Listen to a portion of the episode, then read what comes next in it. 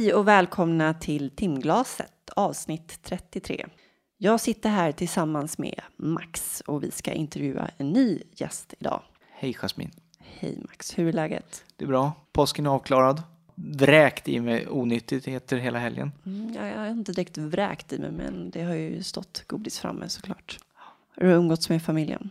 Ja. Jag hade en jättetrevlig långfredag och hade quality time med min store bror. Vi spelade Stratego hela dagen. Fy fan vilket tråkigt spel.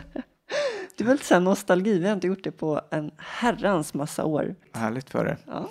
Och käkade lite påskgodis. Själv har jag byggt väldigt mycket pussel. Det är min nya hang-up. Jag kan säga att hela bordet här i vårt inspelningsrum är fyllt av pusselbitar. Det är inte din grej att sitta och bygga pussel märker jag. Nej, jag tror inte att jag har tålamod till det riktigt. Jag byggt jättemycket pussel när jag var liten. Sen trodde jag att det inte gick att bygga pussel med tanke på att man har så risiga nävar. Men kom fram till att Du hade fel. det går alldeles utmärkt. Det tar ju lite längre tid. Slicka lite på fingertopparna så blir det bra. Nej, men det behövs inte. Man får hitta te- vändningstekniker. Okej. Vad pysslar vi med i den här jäkla podderiet? Jo, men vi intervjuar ju en massa intressanta och spännande personer.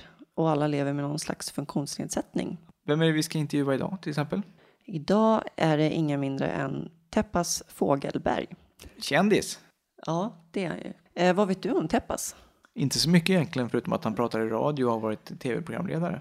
Sen vet jag inte så mycket mer om dem. Att han är blind vet jag ju också. När han var 30 år började han förlora synen på grund av sjukdomen retinitis pigmentosa. Han är journalist, författare och radiopratare. Sen 15 år är han en av programledarna i Ring P1 och eh, kan vara lite kontroversiell ibland, minst sagt. Så pass att han måste ha lite skydd och blir hotad då och då. Och vem är det som hjälper oss att göra det här avsnittet? Det här avsnittet görs i samarbete med Coloplast som lanserar en helt ny diskret och elegant tappningskateter. Speedy Cat Compact Eve som genom sin funktionella design är utvecklad för att smälta in i kvinnors vardag genom att se ut som en livsstilsprodukt. Som till exempel en mascara. Det är det. Smidigt och bra att stoppa i handväskan. Så tjejer, gå in på deras eh, hemsida koloplast.se EVE så kan ni beställa gratis prover.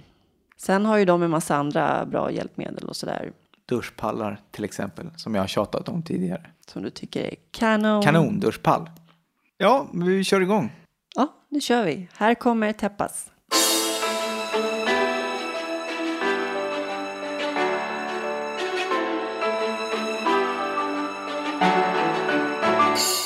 Hej Teppas och välkommen till timglaset. Hej. Hur är läget? Bra. Jag kom in i en ny miljö som jag känner mig... Jag undrar vad det är för färg på väggarna här och så. Ja, nej, det, det är bra. Det är vita väggar. Alltså, Och eh, din son hjälpte dig hit också. ja, han, han gjorde det. Det var yngsta sonen. Ja, det var yngsta sonen. Han fyllde 18 häromdagen. Okej. Jag har fem barn. Och han är yngst. Och han pratar mycket om rättigheter och så här, han, om hans rättigheter. Att, han, att ha ett rum, att ha mat, att, att ha allting. Han är inte så mycket inne på skyldigheter. Men det är mycket snack också, för han hjälper mig. Han är snäll och han, i mån av tid så följer han mig till saker och så. Brukar alla barnen hjälpa till? Ja, det är bara han som bor hemma. Så de andra är lite spridda. Men, nej, men det gör de ju. Jag känner mig inte som någon belastning. De har ju den farsa de har. Han är blind. Men jag tror att det är värre handikapp att jag i vissa situationer blir igenkänd. Det tycker de är jobbigare. Än att jag är synskadad. Hur gamla är de? Han är som sagt 18 och sen 23 flicka, 26 pojke, 31 pojke, 35 flicka. Och det lustiga är att hon som är 35 som kommer imorgon, för hon bor i Sundsvall och jobbar på radion där och gör deras morgonprogram. Deras, hon är kvittrande glad klockan sex på morgonen. Nej, men, Hon har följt sin pappas fotspår. Ja, faktiskt. Men hon är minst, alltså ut, ut storleksmässigt sett. Och Kurtan, eller greven som jag kallar honom, som du just träffade. Han är störst. Jag tänkte på det när jag mejlade till dig. Då var jag lite osäker på hur detaljerad jag skulle vara i hur jag skulle beskriva vart du skulle någonstans. Och samtidigt som jag känner att man, liksom, man vill underlätta så vill man ju inte heller förolämpa. Om du förstår vad jag menar. Så jag undrar, om jag ser till mig själv till exempel så kan jag uppskatta om någon informerar mig om tillgängligheten och hur det ser ut och om det inte är några trappor eller trösklar och så vidare. tycker jag är jättebra. Jag, har absolut inga problem med att bli överinformerad. Det är jättebra. Toppen att man får reda på så mycket som möjligt. En del som har olika funktionsnedsättningar, de är så petiga och lättkränkta. Och så. Det sitter nog en här i rummet tror jag. Alltså, är det Nej. du eller hon? Är jag? Nej, jag kan vara väldigt känslig ibland. Mm. Lite överkänsliga kanske. Med hjälp. Om folk börjar hjälpa till utan att fråga blir jag helt vansinnig. Jag kan inte hantera det alltså. Det är så lätt att bara fråga först. Och sen, nej tack, det går bra. Händer det att folk är så där vär, att de plötsligt tar tag i, i rullstolen och bara drar iväg? Ja, ja, Det oh, kan ja. hända. Det händer. Ja. Fan, då ska jag bli tokig. Ja, man blir Jag förstår det. galen det alltså. För det händer mig också att, att det kommer, åh, jag ska hjälpa dig över gatan och så, och jag har ju en inre plan, jag går en, längs en inre karta och då när jag blir hjälpt inom citationstecken så kanske jag går åt helt fel sen. Men de känner sig jättesmöriga för de har fått hjälpa en handikappad. Men det är så lätt att fråga och så säger man nej, då, är, då ska ju den personen respektera det. Och det finns ju de som inte gör det ändå. Och ändå ska hålla på och hjälpa till. Fast det största problemet tror jag, jag har märkt att det blivit så otroligt mycket lättare. Och Jag tror att jag har accepterat min belägenhet. Och, och just då, då kan man också kosta på sig att strunta i okänsliga dumhuvuden. Och vara glad åt dem som är schyssta. Och så, att man kan vara så tydlig som möjligt. Att man säger, jag behöver hjälp här eller där. Man kan inte förändra resten av mänskligheten. Jag brukar tänka så här när jag träffar på en idiot. Ja, men jag är inte gift med dig i alla fall. Men det är ju lätt för mig att säga. Jag, alla har ju sin egen upplevelse. Och eh, alltihopa. För mig tog det 15 år av ganska ohälsosamt liv att komma fram till där jag är idag. När och eh, var föddes du, Teppas? Jag föddes 1951 i Gävle. Och när jag var 15 så mina kompisar kom in i gymnasiet men jag var lite för lat. Och inte så smart att jag kunde skita i läxorna. Och på den tiden kunde man börja jobba. Alltså efter nian. Det fanns jobb, jag tror inte det finns det nu. För så vitt att man inte har en farsa eller morsa som har en pizzeria eller så. Så då flyttade jag till Stockholm och började arbeta på ett skeppsmäkleri. Men du, du föddes som Hans-Erik Gunnar Lorenz Fågelberg. Och sen eh, läste jag någonstans att det var din syrra som eh, kallade dig för Knäppas. Och sen vart det Teppas. Ja. Det var ju så opraktiskt som alla kallade mig för Teppas. Och så det var när jag var i 20-årsåldern då ringde jag till pastorsexpeditionen som man gjorde på den tiden. Och sa jag skulle vilja lägga till ett namn. Och så frågade de, är det ett gårdsnamn? Ja, sa jag. Ja, inga problem. För man muckar inte med gårdsnamn. Det är kultur, det är fint. Så att så kom Teppas in i... Var fick hon Knäppas ifrån då? Hon tyckte bara att det lät kul. Du låg ju fortfarande i mammas mage. Och hon sa att jag får en bror ska heta Knäppa. Så hon tyckte bara att det var kul ord. På den tiden var det inte så att det betydde dum i huvudet eller vrickad eller så. Utan hon tyckte bara att det var skoj. Hur gammal var hon när du föddes? Sju. Vad heter hon? Margareta. Har du ett syskon? En stora Ja, syster? ett. Hon är tandtekniker. Vad hade du för drömmar som barn? Att jag skulle bli professor eller hisskonduktör. Jag tyckte båda, båda grejerna var ganska flotta. Professor, det var i meningen upptäcktsresande och så. Det var förmodligen för att jag hade hört olika föredrag på radion. Och vi hade ganska mycket bilderböcker hemma. Och, och sen hisskonduktör. Jag brukade följa med farsan till Stockholm ibland. Han brukade bo på hotell Sture vid Stureplan, som inte finns längre. Där fanns en, en hiss med ett stort mässingshandtag. Och så stod det en hisskonduktör som förde det handtaget upp och ner. Och gjorde honör när folk klev in och klev ur. Jag tyckte det var kalasflådigt. Schysst jobb. Dina föräldrar, vad jobbade de med? Pappa hade, och mamma, Fågelbergs modehus i Gävle. Med kappor och pälsar på bottenplanet och klänningar och blusar och dräkter och sömmerskeateljé och hela videvitten på andra våningen. Och båda mina föräldrar gillade konst och, och så, böcker och... Det var liksom ett bohemiskt medelklasshem kan man säga. Men farsan som trodde att han var en konstnärssjäl. Han hade övertagit affären efter min farfar. konstnärssjälar ska ju inte driva affärer. Och det gick allt sämre och, och det kom ju alltså ett paradigmskifte. Men då var det så här, jaha fru Pettersson, den sitter lite åt här i ärmen, då kan vi ta ut en sömmerska från ateljén. Det höll ju inte. Och då blev farsan nervös och började översjälvmedicinera, kort sagt kröka. Om det kommer en räkning som man inte vet om man ska betala, då är det sämsta sättet det att öppna en flaska konjak. För den räkningen finns kvar när man vaknar. Sen hände någonting plötsligt. Han söp bort sina ben. Alltså han kunde inte gå längre. Och då blev han rullstolsburen.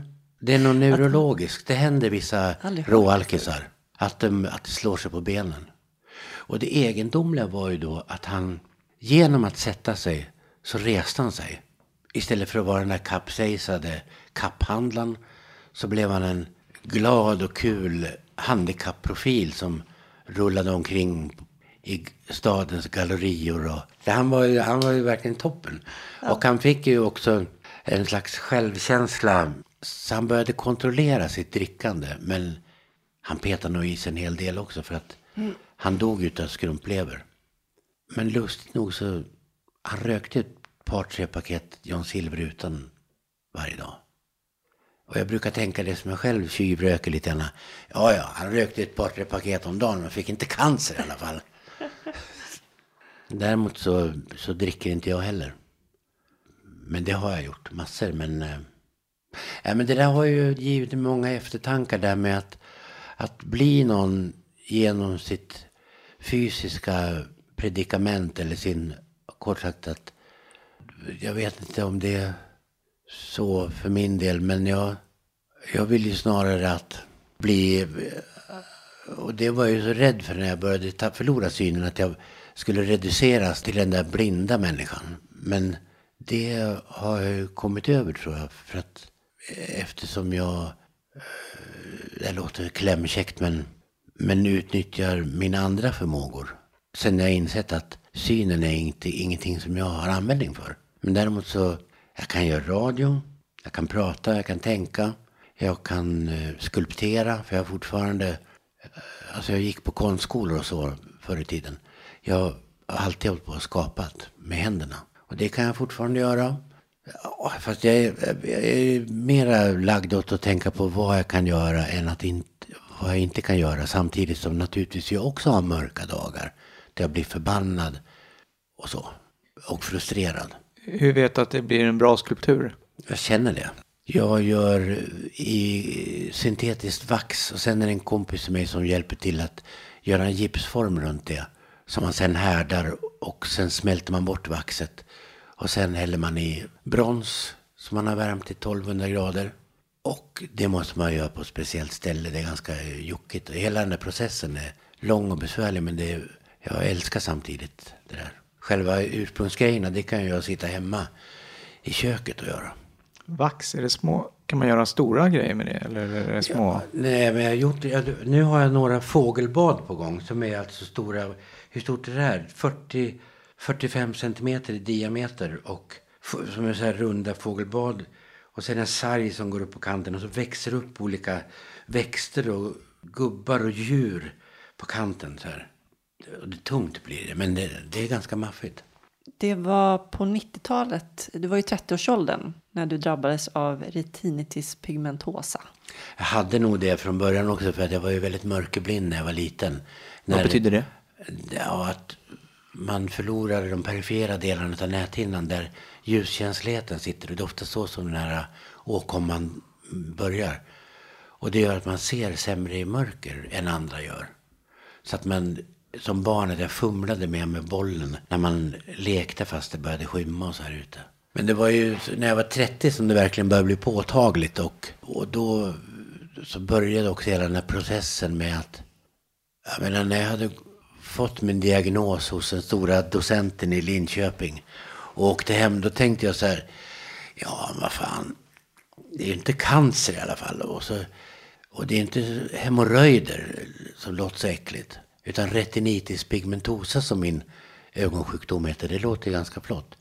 Men då kunde jag ju fortfarande köra bil på dagen och så här.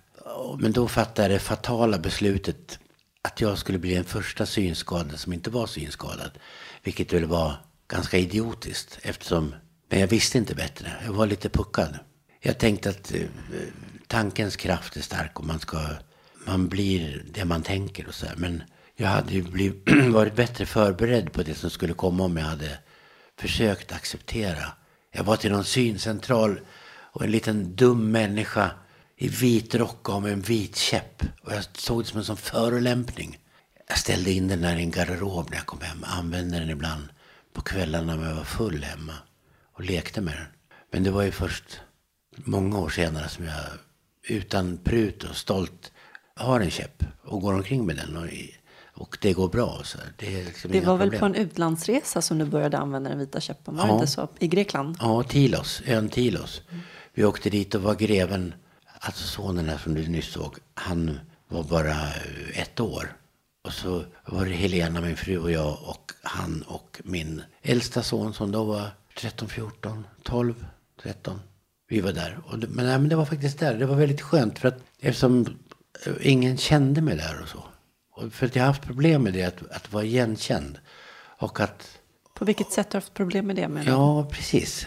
Det undrar jag också. Men eftersom jag själv inte hade accepterat min belägenhet så fantiserade jag hela tiden om vad andra människor tänkte och tyckte. Jaha, där går han. Jag sa, han men han vit käpp. Ja, men var inte han som...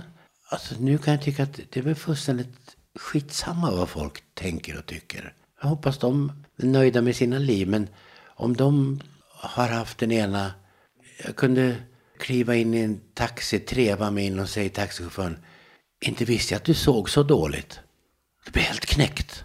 Jag blev jätteledsen och fick lust att dricka fem stora stark på raken.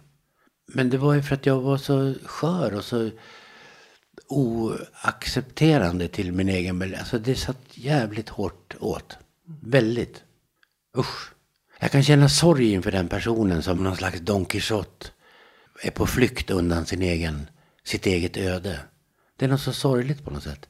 En riktig trashank som utåt sett verkar glad och påhittig och så här, men som i sitt inre mår så jävla dåligt. Det är inget öde som jag önskar ens min värsta ovän, för det är verkligen ruggigt. Men det var så ett tag. Och gudskelov så är det numera förr i tiden. Men eh, det gäller väl de flesta, höll jag på att säga, som råkar ut för något livsomvälvande. Det är väl klart att det tar ett tag innan man på något sätt finner någon slags acceptans i det hela. Man kan lära sig leva med det. Eftersom alla personer är ju individer och det verkar gå så olika. En del, det finns så riktigt tjurskallar som aldrig accepterar hela sitt liv. Och det finns de som verkar, som det verkar gå så här generande lätt för. Att plötsligt vara blind eller sitta i en rullstol eller, eller vad det nu kan vara. Ja, vi har ju några sådana exempel som Anders som vi intervjuade för länge sedan. Han grät en dag, sen var han, sen tyckte han det var Ja, lugnt. du ser. Ja? Otroligt. Ja. Men sen tror jag att det finns de här som ska istället börja överprestera och eh, bli så jäkla duktiga. Och det tror jag också är som en slags täckmantel för att man egentligen mår dåligt också. Det tror tror jag jag också är med. ganska Det är vanligt. som, ja men ska du inte hoppa fallskärm?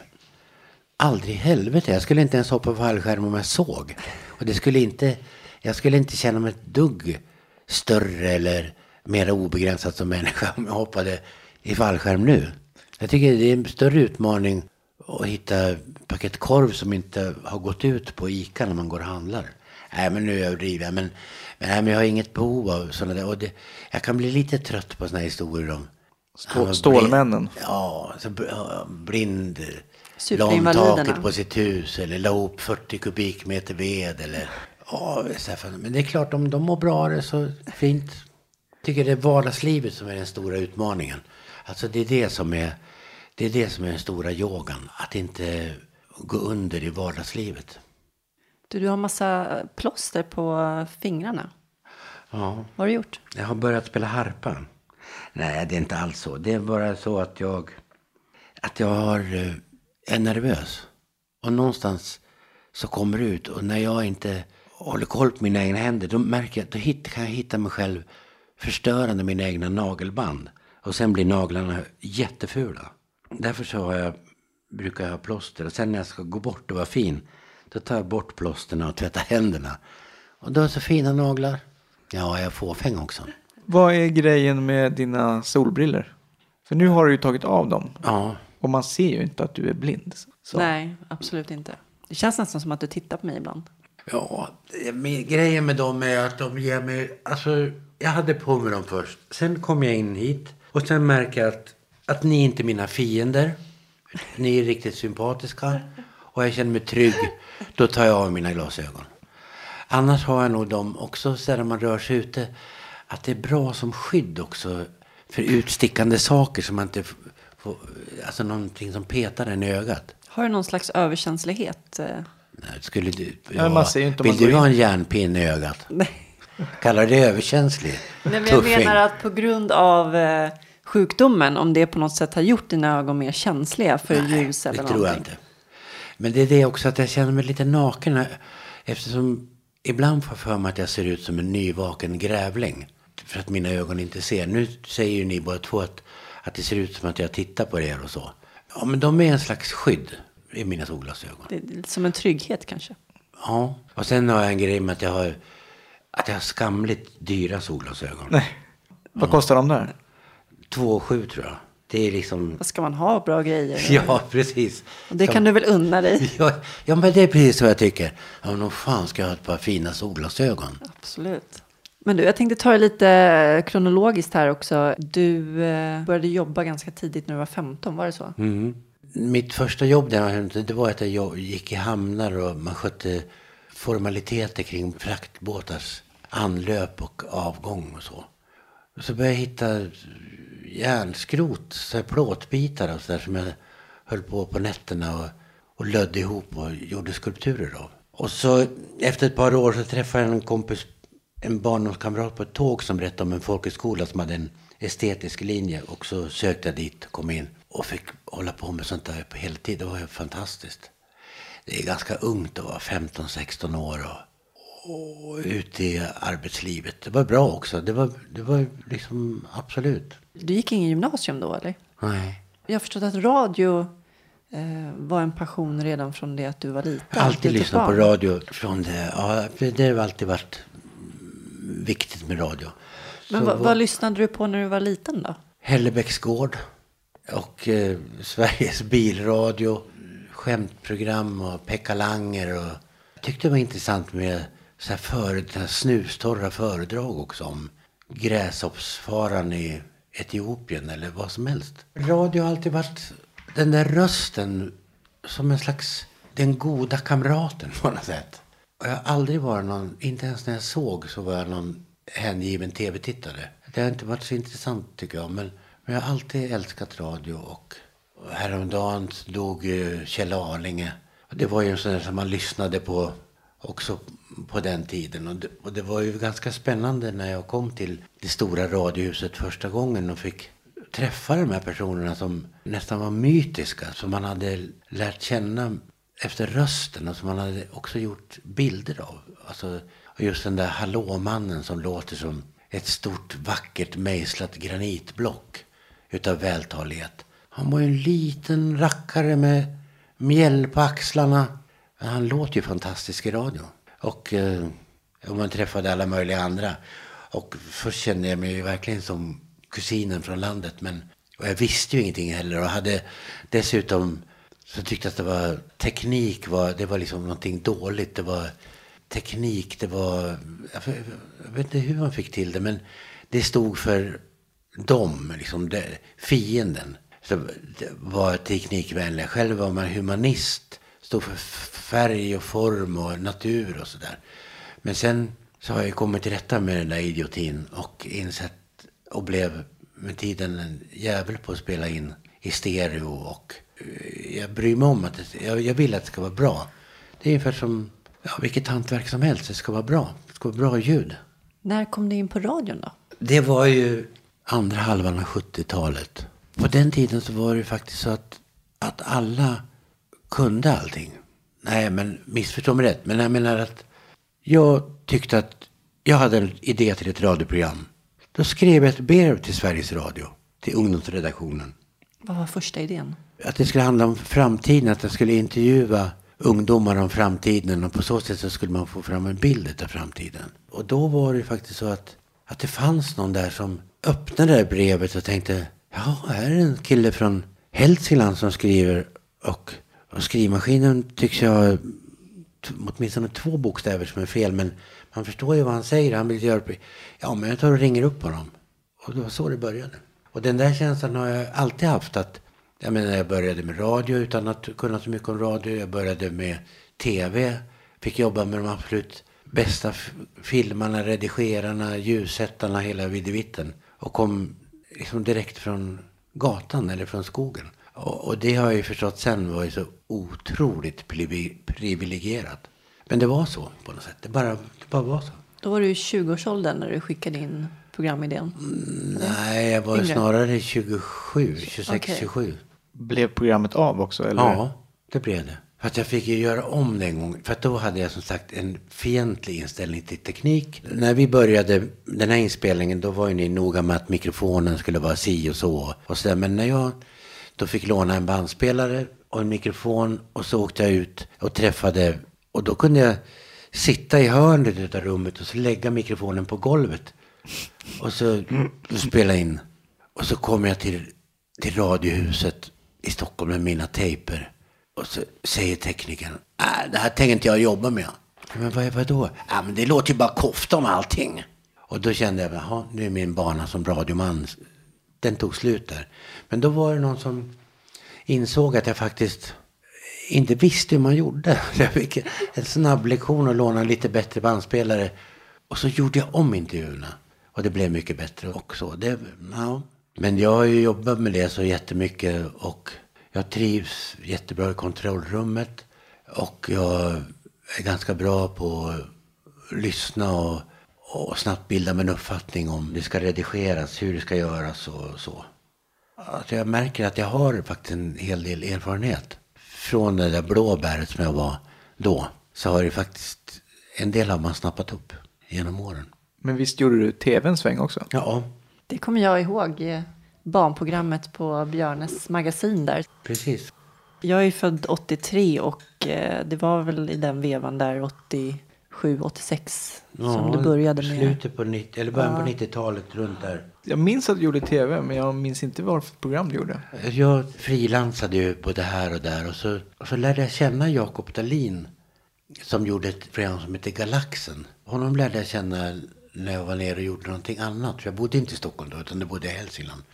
Och vi fick jättebra kontakt. För han var så olika mig. Jag tycker det är så kul att träffa människor som är på ett helt annat sätt. Det är ju intressant. Vi fann varandra verkligen och så började jag krönikor. Och sen när han skulle göra tv, Jakob Stege, som ju var ett stort nöjesprogram första delen av 80-talet, så frågade han om jag ville delta och jag sa jag vet ingenting om tv. Och han sa inte jag heller men försök. Och så var jag med och så gjorde några hemska saker i början men det gick liksom bättre och bättre. Men då var jag hemma i Gävle och hälsade på farsan.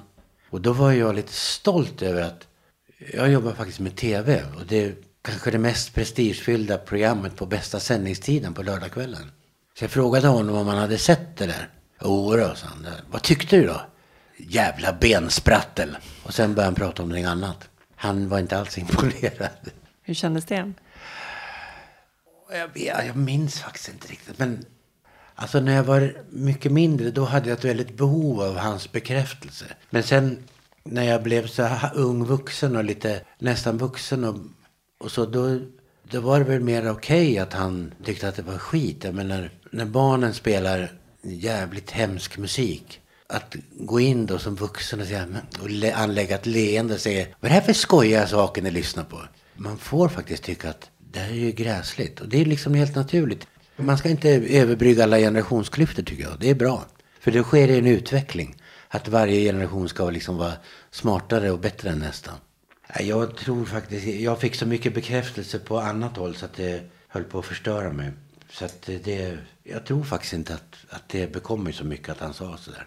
Det var väl på 80-talet där med Jakob Stege som du blev känd, eller? Mm. Hur var det att bli en offentlig person? När jag var liten så fick jag mycket uppmärksamhet och kärlek. Jag upptäckte rätt snart att mamma och pappa inte älskade varandra, men de gillade ju mig. Och sen när det där kom, det låter ju väldigt bortskämt kanske, men jag tyckte att det kändes inget konstigt att få en massa uppskattning. Det var inte något större problem med det.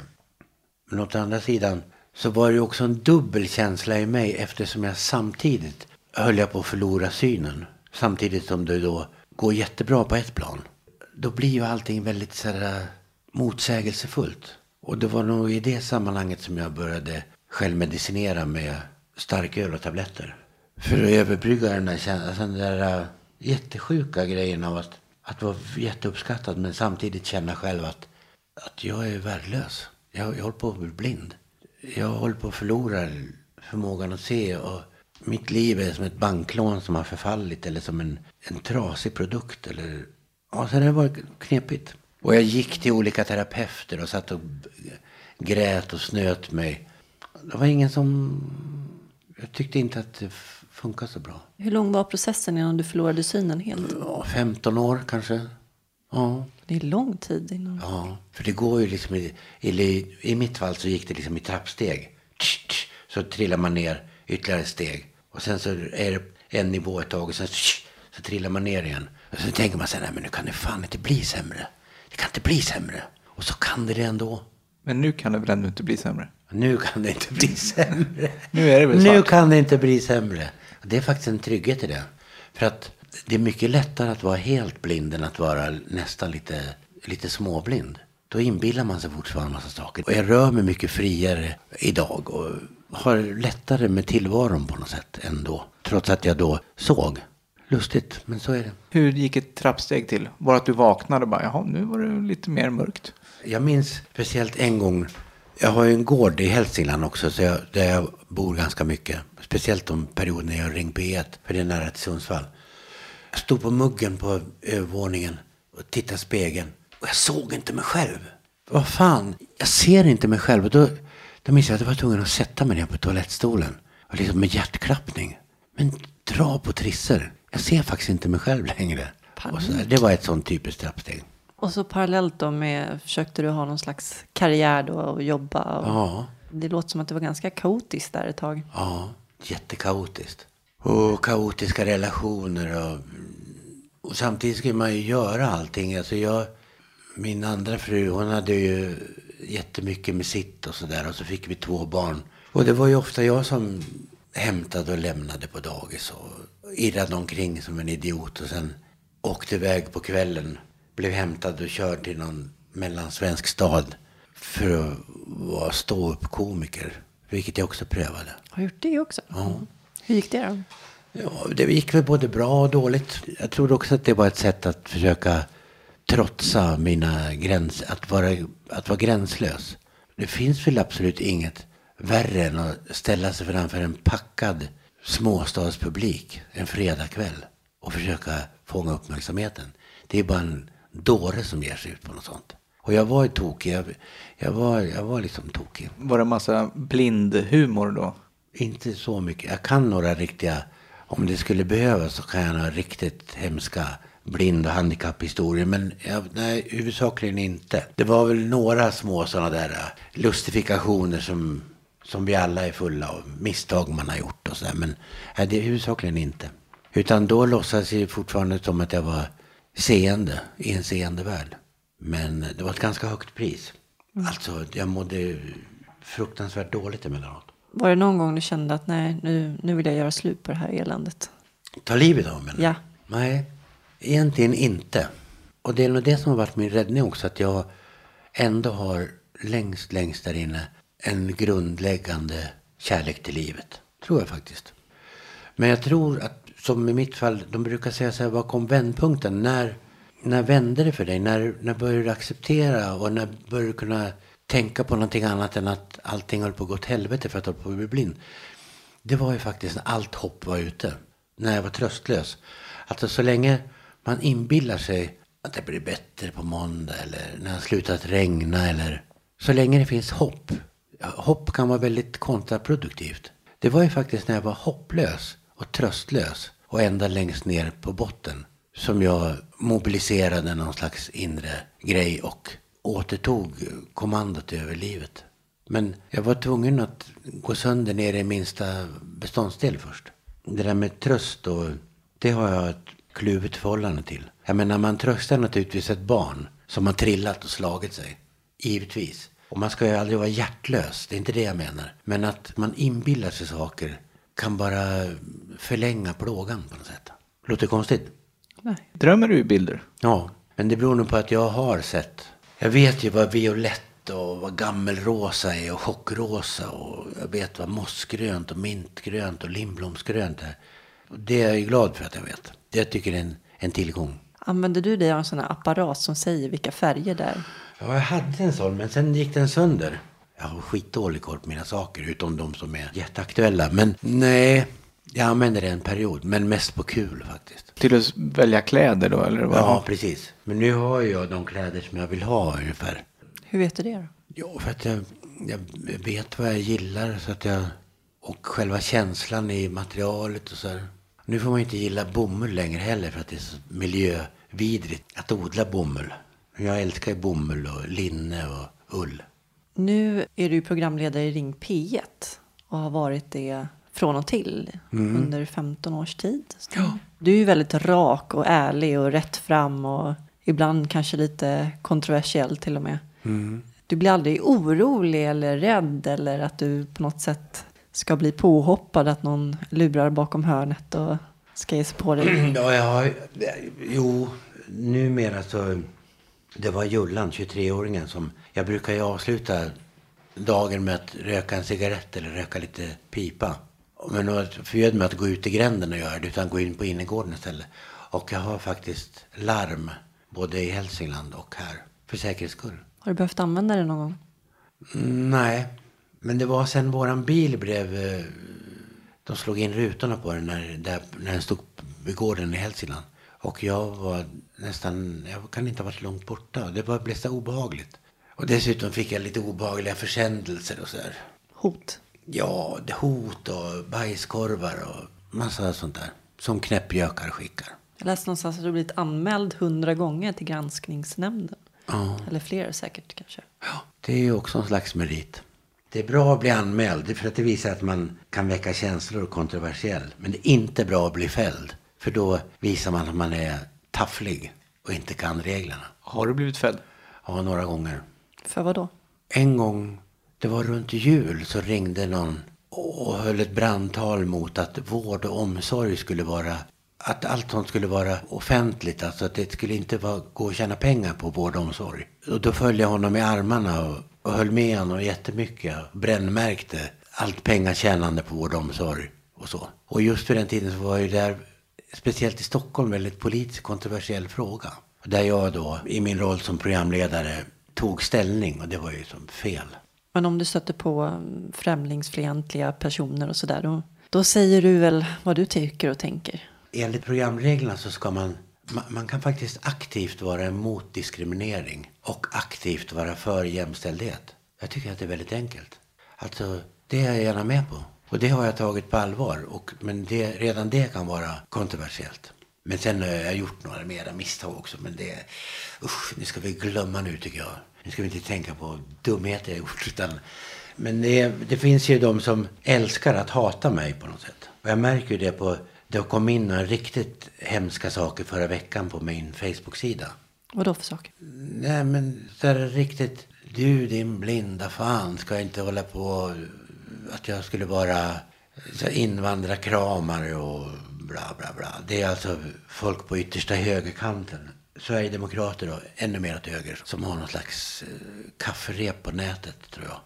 Senast igår var det någon som skrev, som hade läst till min blogg. Och där finns det en ruta med ett persongalleri, de som brukar vara med i bloggen. Mina familj och mina vänner och så här. Och så var det någon smartskalle som skrev, ja, du lever ju inte som du lär, du är ju inte mångkulturalist. Alltså jag har väl aldrig gjort sken av att jag bor i Tensta och att min fru heter Mofofo. Jag är vit medelklass och jag har inga problem med det. Då den här smartskallen har då sett, aha, de heter vanliga svenska namn alla hans vänner. Och det är typiskt. Men han kan ändå vara, vara för invandring. Alltså vadå? Jag ser ingen motsättning däremellan. Det är så puckat. Men sådana där saker trillar ju in. Och då kan man väl antar jag ta bort det. Men jag låter folk, jag låter sånt där stå kvar. Få, få tänka och tycka bäst de vill. Inga problem. Hur hanterar du det känslomässigt då? I början kunde jag bli, tyckte att det var jobbigt och blev lite nervklen och märkte att jag sov lite sämre under de perioder som jag sänder. Att jag kände ett slags påslag. Det har jag blivit lite mer hårdhudad. Men jag får ju mycket uppskattning. Alltså bara det när jag går ner genom Gamla stan under tunnelbanan längs Riddarfjärden bort mot gymmet. Så träffar jag i regel ett par, tre personer som kommenterar. Ja, bra och kul, bra, bra, kämpa på liksom så här. Det är jätteskoj. Det är ju mest feglortar som sitter hemma och, och tycker vid sina tangentbord. Vad tycker du om det nya podcastfenomenet? Jo, det är kul.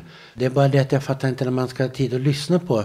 Alltså jag har en app nu i min eh, telefon som leder till en massa olika poddar. Men alltså jag läser väldigt mycket böcker. Och jag prioriterar det. Och det där är ett problem när jag ska göra Ring P1. För då, när man gör Ring P1 då måste man vara ordentligt påläst. Lyssna på mycket samhällsprogram. Och så har jag den här böjelsen att lyssna på romaner istället. Men jag försöker ju tygla det. Men, eh, men jag, alltså jag märker att poddradio är viktigt. Många pratar om det. Jag hör ofta folk referera till det. Det är liksom viktigt. Sen det här med Instagram och så, det är ju, är ju så bildbaserat. Så det är ju ingenting som jag funderar på. Men Facebook har har jag sett. Eller du har ett konto, eller ja. Jag har en blogg och den är mitt hjärtebarn. Eftersom jag, jag tycker om att skriva. Eh, och det är aldrig plågsamt för mig att skriva. Jag sammanfattar gärna dagen. En del människor har ångest på att de ska skriva ett enkelt brev. Men jag tycker det är kul att skriva och därför har jag en blogg. Och de inläggen spiller över till en Facebook-sida där jag inte är aktiv. Men där de här inläggen finns. Hur funkar det rent tekniskt att skriva en blogg när man är blind? Jag har ju en, en telefon som pratar, Eh, talsyntes och så har jag ofta ett eh, litet portabelt tangentbord som är bluetooth-anslutning. Och så skriver jag oftast i anteckningar i telefonen och skickar iväg det så därifrån. Jag märker det nu med mina telefoner. Alltså man behöver ju datorn inte lika ofta. Så att jag knäckte en idé idag med min PT som heter Anna, min personliga tränare. Jag kan säga någonting om det. Om man är en gubbe i min ålder då har man alla saker man behöver och så här. Man har produkter och så. Så därför så tycker jag att man, dels sidan av svindyra solglasögon, så får man ha en PT. Och det har jag. Och så kom vi på att vi skulle föreläsa tillsammans under rubriken Alla kan träna. För jag började ju träna när jag hade fyllt 50 och är blind. Men det går ju liksom hur bra som helst och har betytt väldigt mycket för mig. Så jag skrev en text om det. Och då tog jag fram datorn och tänkte, det med, fan vad länge sedan man höll på med den för att allting kan man ju sköta telefonen nu. iPhonen är ju, är ju väldigt blindanpassad. Otroligt. Och jag förstod inte först hur, skulle jag behöva övergå från min fina knapptelefon där man känner precis vad knapparna är till en, liksom en, en ruta bara. Jag förstod inte hur någonting som bygger på något så visuellt som en iPhone skulle kunna funka för en, för en blind. Men det funkar ju jättebra eftersom den talar. Och då kan man ju ställa in det så man hör varenda bokstav som man skriver. Man, eller man, att den säger ordet när man just har skrivit det. Eller, ja, det finns olika sätt att göra det på som passar den enskilde. Det är jättebra. Och som sagt, jag skriver, jag har en blogg som heter Teppas toppenblogg. Där jag skriver en stump. Nästan. Det kan gå några dagar ibland. Men eh, inte glesare än var tredje dag tror jag. Och ibland varje dag. Hur många läsare har du? Jag hade 50 000 besök förra året. Jag vet inte om det är mycket eller lite. Men jag vet att, att jag har en del läsare och så. Och jag mår bra av att skriva. Så att det, visst. Ja, som min lilla hobby kan man säga. Du är ute och reser en hel del. Du har ju nyligen varit i Indien. Ja. Och Albanien hade du varit i också för du skulle kolla om de hade gott kaffe. Ja. Hade de gott kaffe? Otroligt gott kaffe. Albanien är inte som öststaterna sådär. Jag menar polskt kaffe är inte för kul. Och på många ställen så får man ju neskaffe för det är bättre än ingenting. Men äh, i Albanien det lutar mer åt Italien och Grekland än åt öststaterna när det kommer till kaffet. Och så det, jag var där i somras och det där var äh, en slags Waterloo för mig. För att jag, jag tänkte, klarar jag det här, kort sagt att göra ett reportage, ett tidningsreportage, som jag skulle ha klarat det förr i tiden. Klarar jag som blind att göra ett reportage och jag hade värsta prestations... Jag kände mig riktigt kuslig. Och sen har jag min kompis Maria som är jättebra. Alltså hon syntolkar inte så där som nu syntolkar. Utan det menar så här att omgivningen kommer fram i en, i en naturlig dialog mellan henne och mig. Så att vi åkte. Och resultatet finns just nu i det nummer av tidningen M som ligger ute nu. Där Amelia har en, Adamo har en turban på omslaget. Min morsa läste tidningen. Det var hon som ringde och berättade om reportaget faktiskt. Alltså, vad tyckte hon då? Ja, hon tyckte att det var bra och inspirerande. Jag kollade några, eller tog del av några andra reportage därifrån i efterhand och märkte att de var att då vill journalisten berätta jättemycket och så faktaspäckat. Den här artikeln är mera känslomässig och att man får reda på hur det luktar liksom. Och... Ja, du får ju ett helt annat perspektiv än vad andra journalister ja, det har kanske, ja, det kan, kanske Och det tyckte jag var lite intressant faktiskt. Ja. Att man får ett, ja, som du säger, dofter och smaker blir mycket viktigare. För dig framför allt. Jag hade en elak redaktör på ett förlag. Det var redan 1991 när jag skulle åkte till Moskva. Och så sa hon, ja vad ska du åka dit för? Du ser ju ändå ingenting. Gud vad hemskt. Jävla kärring. Men den där äh, attityden stöter jag på. Det var senast på förlaget Lind Companys julfest så träffade jag någon, en rysk dam, en docent som hade forskat och så här. Och jag sa att jag var journalist och så sa hon, det kan du inte vara, du ser ju ingenting. Och om det hade hänt för 20 år sedan, då hade jag blivit jätteledsen och tagit med en bläcka. Sköljt ner några Stesolid med ett antal öl.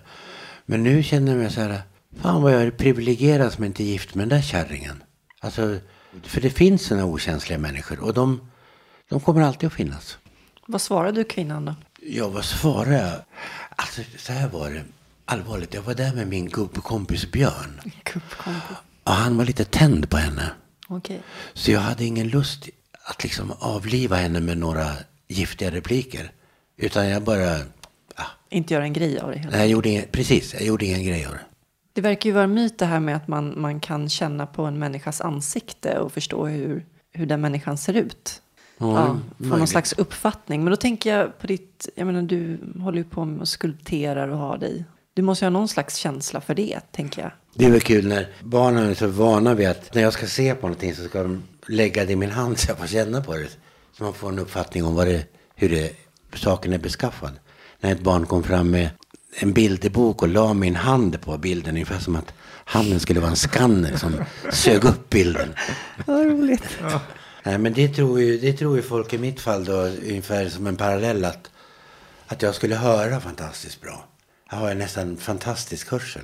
Men det är ju inte alls så. Det är, det är bara så att man använder hörseln mer strategiskt eftersom man nu har hörsel men ingen, men ingen syn. Men det är ju inget magiskt.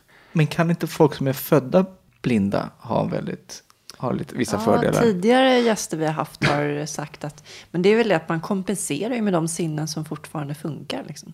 Om man är född blind då har man ju ingen sorgeprocess. Att man, att man sörjer någonting som man förlorar. Och det, Nej, då, då det är en stor skillnad. För det går ju åt så mycket kraft åt att sörja. Så då är man av med det. Det friläggs ju en massa energi till bättre saker. Det är klart att det finns blinda som, som går, som gör, gör knäppljud och hör. Hur det studsar. Det är väl jättebra om, man, om, man, om det funkar med det så är det toppenbra. Jag tror att jag har för dålig hörsel för det. Men, men det är väl jätte... Whatever liksom som funkar så är det väl bra. Men det är ju något som du säger att det är ju något som man har utvecklat sedan man var barn. Liksom, så att, Jag, jag, jag, man utvecklar inga... Alltså jag är verkligen jättemotstånd till att man skulle utveckla någon slags nya sinnen och sjätte sinnen. Och det finns ju en sån här magi kring just blindhet. Att man skulle kunna vara siare eller ha övernaturliga krafter. du, eh, du har fem barn. Ja, Hur har eh, de förhållit sig till att du förlorade synen? alltså den äldsta, hon med 35, hon tar det väldigt... Ja, det är inget särskilt med det. Trots att när hon var liten och jag var hemma på dagarna medan min dåvarande fru jobbade. Då kunde jag ha henne i barnsadeln på cykeln och vi cyklade runt i landskapet och så. Sen märker jag att min näst äldste son, han, han kan ibland uppträda som att fan också att du inte ser. Eller om du såg, då skulle vi... Och sen de två barnen från nästa äktenskap som är 23 och 26. De är så vana vid att jag... Så för dem är det helt naturligt, skulle jag säga. Jag var ju med den flickan som bor i London. Vi var på en i Rimen inför en månad sedan. Eller knappt månad sedan. För att vi kom på att det var en... Vi tycker båda om glass. Och att det var en stor glassmässa där. Men den var bara till för yrkesfolk. Men hon hade anmält oss som att vi skulle vara ett betydande glassföretag som skulle öppna glassbarer i London. Smart. Så att eh, vi blev mottagna som mycket viktiga personer som fick äta Fan, man åt mycket glass. Men i alla fall, och hon, eh, men hon är också jättelätt och, eh, eller att det är okomplicerat och sen den här yngsta han som är 18, ja, han, har väl, han har ju aldrig varit med om något annat heller. Han, han kan ibland bli förbannad med oss och, som när vi bråkar och säger nu tycker du synd om dig själv igen. Men det gör jag inte alls det. Ja, försök inte, jag, jag märker nog, du försöker, du försöker få poäng bara för att du är blind. Det, det går inte jag på. Nej, men lägg av. Fan, det är du som... Och så håller du på så här. Men eh, det har funnits tider då jag har känt mig så här, åh, varför inte jag en sån där förälder som kan skjutsa sina barn till hockeyträningen och ditten och datten. Men jag är bra på andra sätt. Vad är din bästa egenskap som far? Att jag kan vara väldigt nära. Att, att vi är väldigt nära varandra känslomässigt. Och att jag tycker om att fantisera och, och så. Att de tycker nog att jag är inte riktigt klok, men i grunden rätt snäll. Men som sagt, man har ju de föräldrar man har. Ja, herregud. Men det är faktiskt, jag, jag, tror inte att det är så ovanligt att folk som har en funktionsnedsättning känner sig dåliga inför sina barn. Att man inte är eh, fullt fungerande och kan... Vad sa du? Man är inte tillräcklig. Nej, precis. Och i värsta fall så kan ju barn som ju ofta inte tappade bakom en bank kan ju också utnyttja det och spela på ens dåliga samvete. Men din självmedicinering ledde väl, det ledde ju till ett missbruk. Hur har det påverkat din fadersroll? Alltså inte så jättemycket. För att jag, jag, jag har inte varit en sån där äh, haschröka-pappa som har gått in i dimman och varit helt borta. Utan jag har snarare varit med men luktat sprit. Och jag minns äh, när han som är 26, när han var liten. Då var det ju jag och en pappa till som brukade lukta sprit när vi kom och hämtade våra barn. Den pappan sitter i akademin nu. Så att vi kan alla... vi kan alla... Jag menar, jag tror inte att det är så... Det viktiga är att man är närvarande. Körde du bil påverkad? Aldrig. Det föraktar jag verkligen, folk som kör bil påverkade.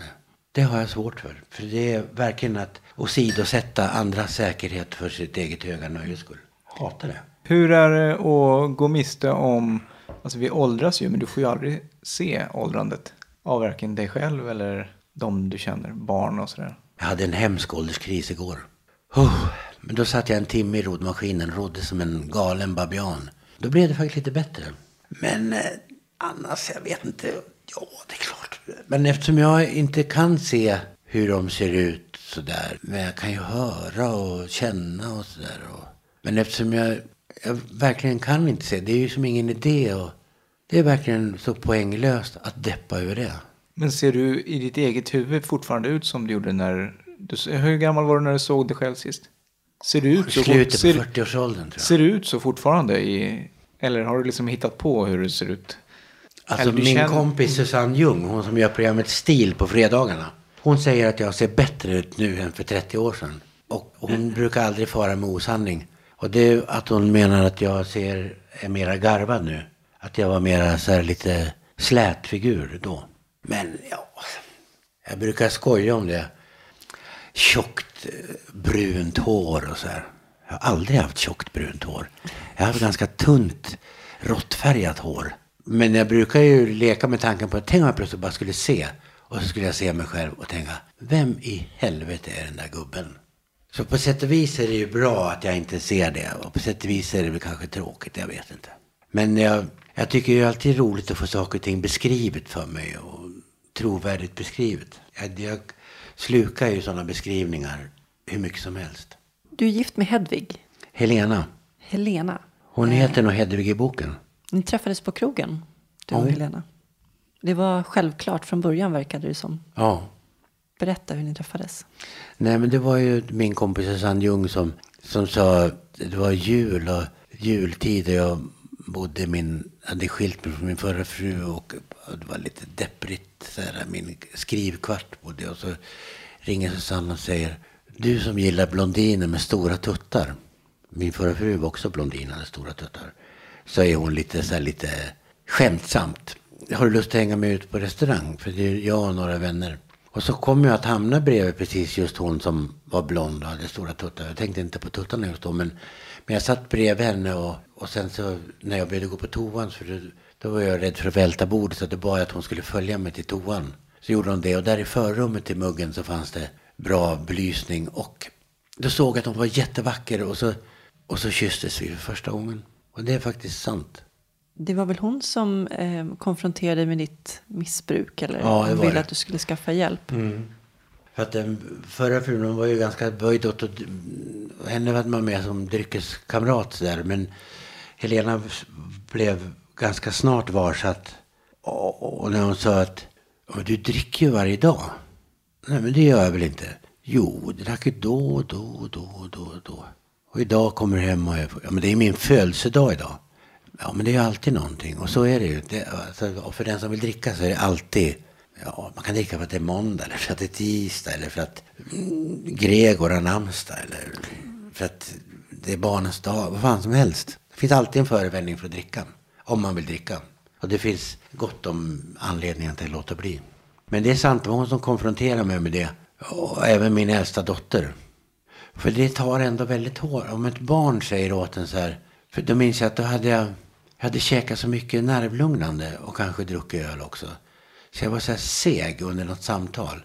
Så hon blev både ledsen och arg. Och det var en varningssignal verkligen. Och eh, nej, men med Helena gick det så långt att då var vi först jättekära. Och så hon flyttade med mig till Hälsingland och vi var där. Men sen så fick hon ju bara nog och stack. Så då var jag ensam där. Med min äldsta son som hade blivit osams med sin morsa så att han flyttade till mig och var väldigt så här pubertal. Så det var en jättepubertal pojke och en trasig gubbe. Och då började jag dricka hembränt med ortens fyllon och sådär. Och sen så trillade jag och fick värsta såret på foten. Det var så här miserabelt. Det var verkligen så här usch vad miserabelt det var. Men det var ju också där någonstans när allting var verkligen så eländigt som jag ändrade riktning. Och då ringde jag till Helena som hade då stuckit hem till sin, klassiskt hem till sin mamma i Aspudden. Och sa att jag har slutat. Jag gjorde det faktiskt för två veckor sedan. Men, eh, eller vad det var. Men, och så kom hon och så, ja. Sen är det klart att, att vägen är inte slät och nyasfalterad jämt. Utan, men eh, i stort sett så har väl jag varit väldigt försiktig med droger sedan dess. När fick du beröm senast? Det var i förra veckan så var jag min eh, producent när jag gjorde Ring P1 förra veckan är homosexuell. Och när jag kom in i kontrollrummet så, så sa han så här uppskattande. Åh, en sån, han är 49-50. Åh, en sån där kropp vill jag också ha när jag är din ålder. Det var fint sagt tycker jag. Ja, det var väl härligt. Ja. Vad gör dig lycklig och vad betyder lycka för dig? Jag, jag, har jätte, jag vet inte vad lycka är. Men det, förr i tiden trodde jag nog att det var frihet från problem. Någon slags sorglöshet. Lyckan kommer ju liksom fläckvis sådär att man, vad är lycka? Är det man får den där äh, sockerdricks champagnekänslan i magen eller, eller man är nykär eller, eller man känner den där doften som är så nästan lite äcklig men också god som kommer just i det där gathörnet eller, jag vet inte. Vad betyder frihet för dig? Förut var det att, få, att slippa. Men nu är jag inte så säker längre. Nu tror jag att frihet är med risk för att låta klämkäck. Att ta ansvar och vara chef över sin situation. Det där är en sån där förljugen romantisk bild. Att frihet skulle vara att man är på något sätt flykting. En vandrare på något sätt. Men frihet är ju också att, att veta vad, att man har, att vad Bregottpaketet står i kylskåpet. Om du fick leva om ditt liv, skulle du göra någonting annorlunda då? Jag skulle, jag skulle kanske ägnat mindre tid åt starköl. Men åt andra sidan, jag tycker att det, jag är ganska nöjd faktiskt med mitt liv. Så att jag vet inte riktigt. Vad skulle du vilja säga till en person som inte har någon som helst erfarenhet av personer som lever med funktionsnedsättningar? Att eh, vara ödmjuk, lyssna och lär. Men eh, man förstår inte det här förrän man inte har erfarit det själv. Vi som har en eller annan funktionssättning kan aldrig räkna med att, att den som inte har det ska förstå det. Det behöver inte betyda att man ska göra sig ensam och svår och isolerad. Och uh, uh, uh, ingen förstår mig. Det är inte det, men det är en unik erfarenhet på gott och ont. Och jag vill aldrig bli tyckt synd om utav en som ser till exempel. För det, det finns så mycket nedlåtenhet i att tycka synd om. Och folk gör sig fina inom citationstecken och upphöjer sig själva genom att tycka synd om och titta neråt. Men om man har studerat lite psykologi så vet man att det där gör de bara för att, för att hantera sin egen ångest och så. Tack så jättemycket Teppas för att du kom och delade med dig av ditt liv. Tack själv.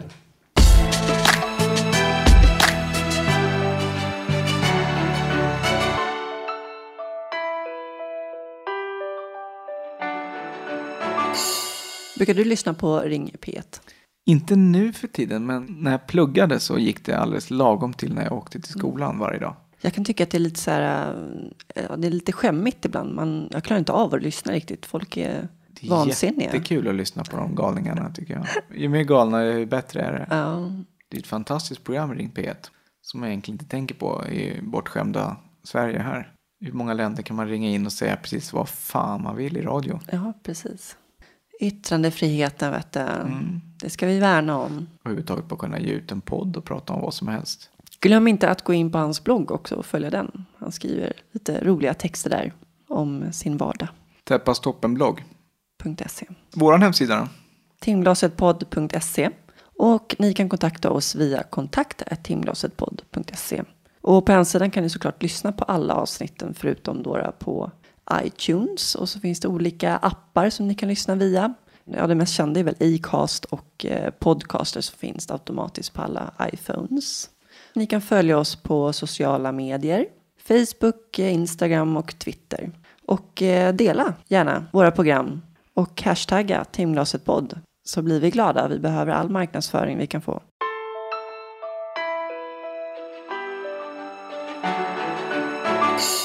Det här avsnittet gjordes i samarbete med våra kära huvudsponsorer Koloplast. Och eh, det blir sista avsnittet som vi har samarbete med dem. Så tack så väldigt mycket för vårt samarbete. Det har varit angenämt. Tack så mycket. Ska du rabbla deras text också? Koloplast lanserar nu en helt ny diskret och elegant tappningskateter Max. Speedy Cat Compact Eve, som genom sin funktionella design är utvecklad för att smälta in i kvinnors vardag genom att se ut som en livsstilsprodukt, som till exempel en mascara. Så gå gärna in på koloplast.se EVE och läs mer. Är du kvinna och van kateteranvändare är du välkommen att beställa gratis prover också. Så passa på nu brudar. Beställ hem en kateter som liknar en mascara som ni kan stoppa in lite diskret i handväskan. I nästa avsnitt, då ska vi intervjua Sofia Dettman som föddes med en jättestor tumör i ländryggen. Och vad hände när de opererade bort den? Ja, då fick hon skador i det perifera nervsystemet. Alltså nerverna utanför ryggmärgen. Som gjorde att hon i princip fick en ryggmärgsskada. Kan använda ena benet lite grann och andra benet inte alls. Och sitter i rullstol sedan hon var liten. Under gymnasiet så bestämde hon sig för att bli läkare, men det var inte helt självklart för hon mötte motstånd från oförstående läkare och psykologer som avredde henne från att inte utbilda sig till det. Det sket hon i och eh, 2000 så tog hon sin läkarexamen. Mer om Sofia i nästa avsnitt. Nu är det ute i fina vädret som gäller, eller? Ser inte så entusiastisk ut, Max. Va? Förlåt. Försökte bara vara lite hurtig här. Ja, Ta vara på det fina vädret. Det ska vi göra hörru. Ha det bra, kära lyssnare. Hej då!